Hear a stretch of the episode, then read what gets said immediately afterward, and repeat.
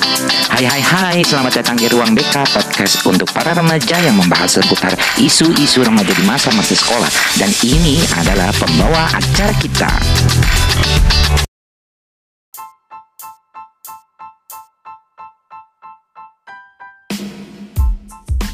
Hai hai hai Akademika, bertemu lagi kita di Ruang BK Podcast Ruang yang membahas isu-isu seputar remaja di masa-masa sekolah. Kemarin saya mendengar sekumpulan anak remaja yang sedang makan mie ayam Membahas tentang gap year. Dari pembicaraan tersebut saya mendapatkan keganjilan penggunaan frase gap year Di mana salah satunya berkata bahwa gue nggak lulus nih tahun ini. Kayaknya mau coba lagi deh tahun depan Gap year nggak apa-apa lah Semoga tahun depan gue bisa lulus. Pertanyaannya kemudian, sebenarnya apa sih gap year itu? Apakah gap year adalah bentuk ketidakberhasilan lulus dari SBMPTN atau gap year itu adalah bentuk penundaan kuliah karena nggak lulus SBMPTN? Nah, episode Ruang BK kali ini kita akan membahas tentang gap year. Jujur li, saya kurang suka sebenarnya sama kebiasaan orang Indonesia yang menggunakan kosakata atau istilah kata atau frase-frase dalam bahasa Inggris, tetapi nggak tepat penggunaannya. Niat hati biar terlihat keren gitu ya, tapi malah makin memperumit. Ini adalah salah satu bentuk bahaya budaya yang merusak identitas bangsa itu sendiri.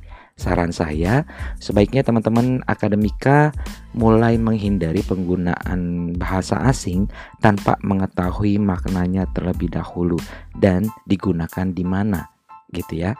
Lebih baik gunakan bahasa Indonesia atau bahasa daerah lah ya untuk lebih memudahkan. Oke, apa sih gap year itu?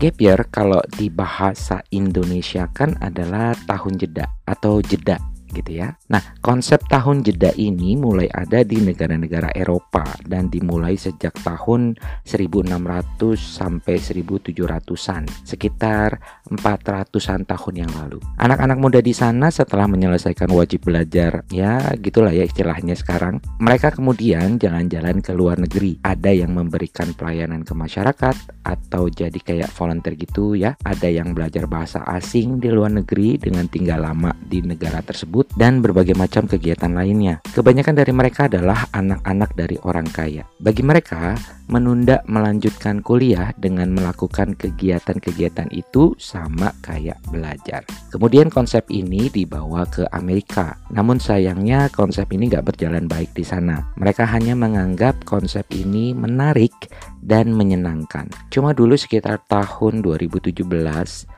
saya sempat bertemu dengan dua orang Kanada. Mereka menerapkan konsep ini. Selepas SMA, mereka berdua jalan-jalan ke negara-negara Asia termasuk Vietnam. Waktu itu saya ke Vietnam dan bertemu dengan mereka. Mereka rencananya selepas jalan-jalan dari negara-negara Asia baru akan mulai memikirkan kuliah dan rencana mereka mengambil jurusan manajemen bisnis. Ketika saya tanya kenapa Asia tujuannya, mereka menjawab untuk mencari bisnis apa yang sedang berkembang di negara-negara Asia.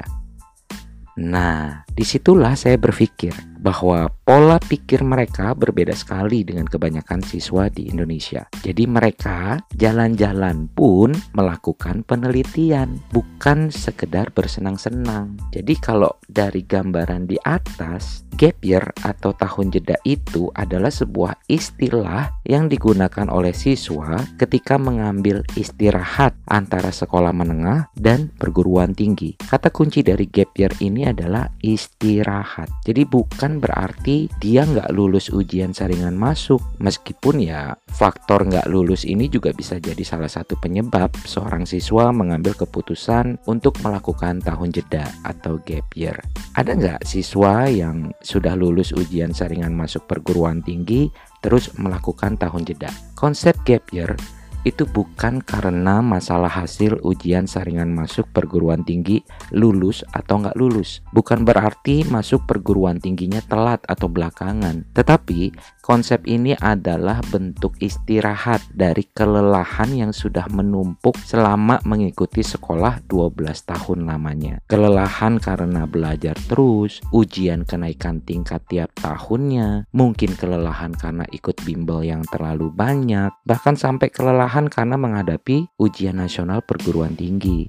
Jadi bukan karena nggak lulus SBMPTN, dari pengalaman yang ada di seluruh dunia, ada siswa yang hanya mengambil kuliah satu semester atau bahkan sudah terdaftar sebagai mahasiswa tapi belum memulai kuliah, mereka pun melakukan tahun jeda. Bahkan Universitas Harvard sekalipun menganjurkan mahasiswanya untuk melakukan gap year. Pertanyaannya kemudian, kenapa harus melakukan gap year? Kan sudah terdaftar sebagai mahasiswa di universitas itu. Emang seberapa pentingnya konsep tahun jeda ini dilakukan oleh para siswa? Konsep gap year atau tahun jeda ini memang ada positif dan negatifnya. Semua tergantung pada kebutuhan diri masing-masing. Konsep tahun jeda ada yang direncanakan terlebih dahulu dan ada juga yang dilakukan tanpa rencana. Yang direncanakan misalnya mengikuti kegiatan sukarelawan, kegiatan wajib militer, kegiatan keagamaan, atau mau magang dulu, cari uang dulu gitu ya. Nah,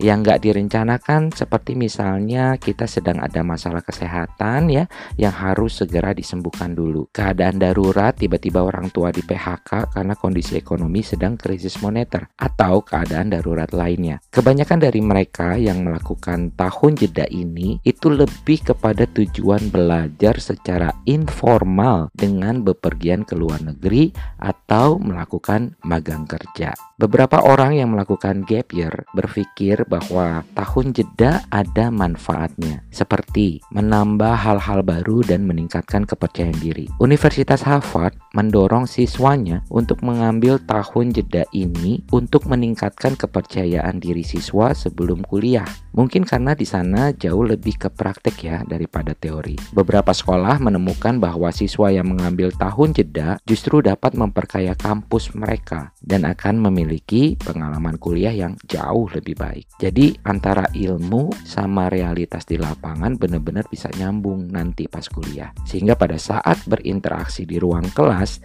diskusi jadi jauh lebih kaya materi daripada cuma duduk manis, dengerin dosen dan mencatat materi. Manfaat lain lebih banyak diterima di perguruan tinggi. Mungkin kondisi ini di Indonesia belum ya. Kalau di luar negeri sana banyak perguruan tinggi yang menerima siswa yang melakukan melakukan tahun jeda. Tapi kalau di sana kebanyakan menyarankan lebih baik terdaftar dulu sebagai mahasiswa baru ambil tahun jeda. Selain itu, tahun jeda dapat membantu meningkatkan portofolio pengalaman siswa. Nah, praktek ini sih belum diterapkan ya di hampir seluruh universitas di Indonesia, di luar negeri sana lebih banyak portofolio pengalaman. Bahkan teman-teman bisa masuk Harvard dengan menyodorkan pengalaman segabrek yang tentunya memang ada kaitannya dengan apa yang mau kita teliti atau kita pelajari di sana. Manfaat lainnya, tahun jeda memberikan kesempatan baru untuk belajar tentang sesuatu yang baru. Pengalaman yang banyak itu penting dan bermanfaat bagi siswa yang benar-benar ingin mencoba hal baru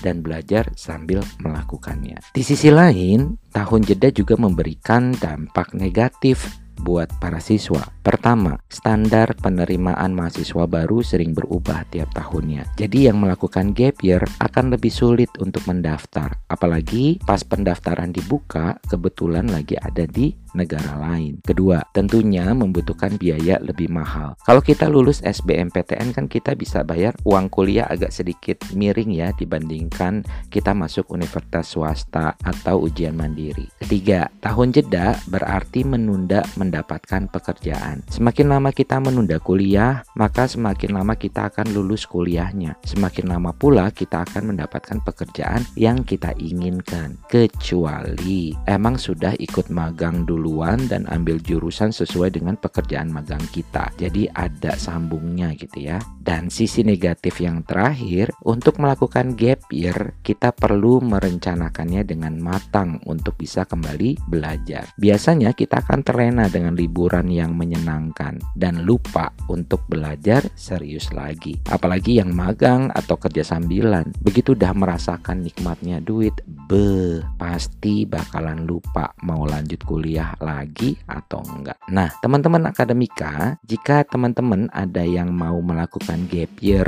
atau tahun jeda, kalian harus merencanakannya dengan matang. Ingat, Gap year bukan berarti nggak lulus SBMPTN terus belajar persiapan SBMPTN sampai lulus, bukan gitu ya. Tapi gap year adalah istirahat dengan melakukan sesuatu yang meningkatkan pengalaman diri sebelum melanjutkan kuliah. Jadi teman-teman akademika harus bertanya nih pada diri sendiri, apa yang harus saya lakukan ketika gap year? Apakah kita akan bekerja, jadi relawan, belajar bahasa Jepang di Tokyo, belajar bahasa Korea di Seoul, belajar bahasa Prancis di Paris, atau melakukan pengabdian masyarakat, atau ikut wajib militer. Teman-teman akademika harus mencari tahu di mana kalian ingin berada pada saat tahun jeda itu. Apa yang ingin teman-teman peroleh? Apa yang ingin teman-teman lakukan dengan menghabiskan waktu untuk membantu kalian menemukan ide, program, atau peluang baru pada saat gap year. Kegiatan tahun jeda sering kali tidak berlangsung selama satu tahun penuh. Jadi penting untuk teman-teman merencanakan dengan hati-hati dan memutuskan kapan harus melakukan aktivitas yang berbeda sebagai bagian dari kegiatan di tahun jeda. Sebagai contoh, jadi relawan itu paling cuma beberapa minggu doang. Setelah tugas sebagai relawan selesai, kira-kira kegiatan apa lagi yang akan teman-teman lakukan. Nah, itu penting banget untuk direncanakan. Nah, buat teman-teman, sebelum memulai gap year, pastikan pertanyaan ini teman-teman bisa menjawabnya. Pertanyaannya antara lain adalah, apakah ada tempat yang selalu saya ingin kunjungi? Apakah ada bahasa yang selalu ingin saya pelajari? Apakah ada keterampilan yang benar-benar ingin saya kembangkan? Apakah ada orang yang ingin saya bantu? Berapa anggaran yang harus saya siapkan? Apakah saya perlu menemukan pekerjaan untuk menghasilkan uang selama gap year? Pertanyaan-pertanyaan ini dapat membantu teman-teman mempersempit pilihan-pilihan kalian dalam memilih apa yang harus teman-teman lakukan selama gap year. Nah, itulah konsep gap year yang sebenarnya. Semoga teman-teman akademika lebih memahaminya dan menggunakan istilah kata itu dengan tepat. Jadi kalau teman-teman gak lulus SBMPTN terus lama menunggu ujian berikutnya cuma ikut bimbel doangan, itu namanya bukan gap year. Ingat ya, gap year meskipun bersifat menunda sesuatu atau telat sesuatu, tetapi ada tujuan di balik konsep tersebut. Oke, teman-teman akademika, selamat berpikir, terus kembangkan pola pikir dan wawasan kalian. Jika ingin melakukan tahun jeda, rencanakan secara matang. Bagi teman-teman yang memutuskan untuk melakukan tahun jeda di tahun ini, semoga mendapatkan pengalaman dan peluang baru sebelum masuk kuliah nanti. Sampai jumpa di episode Ruang BK berikutnya dan salam akademika.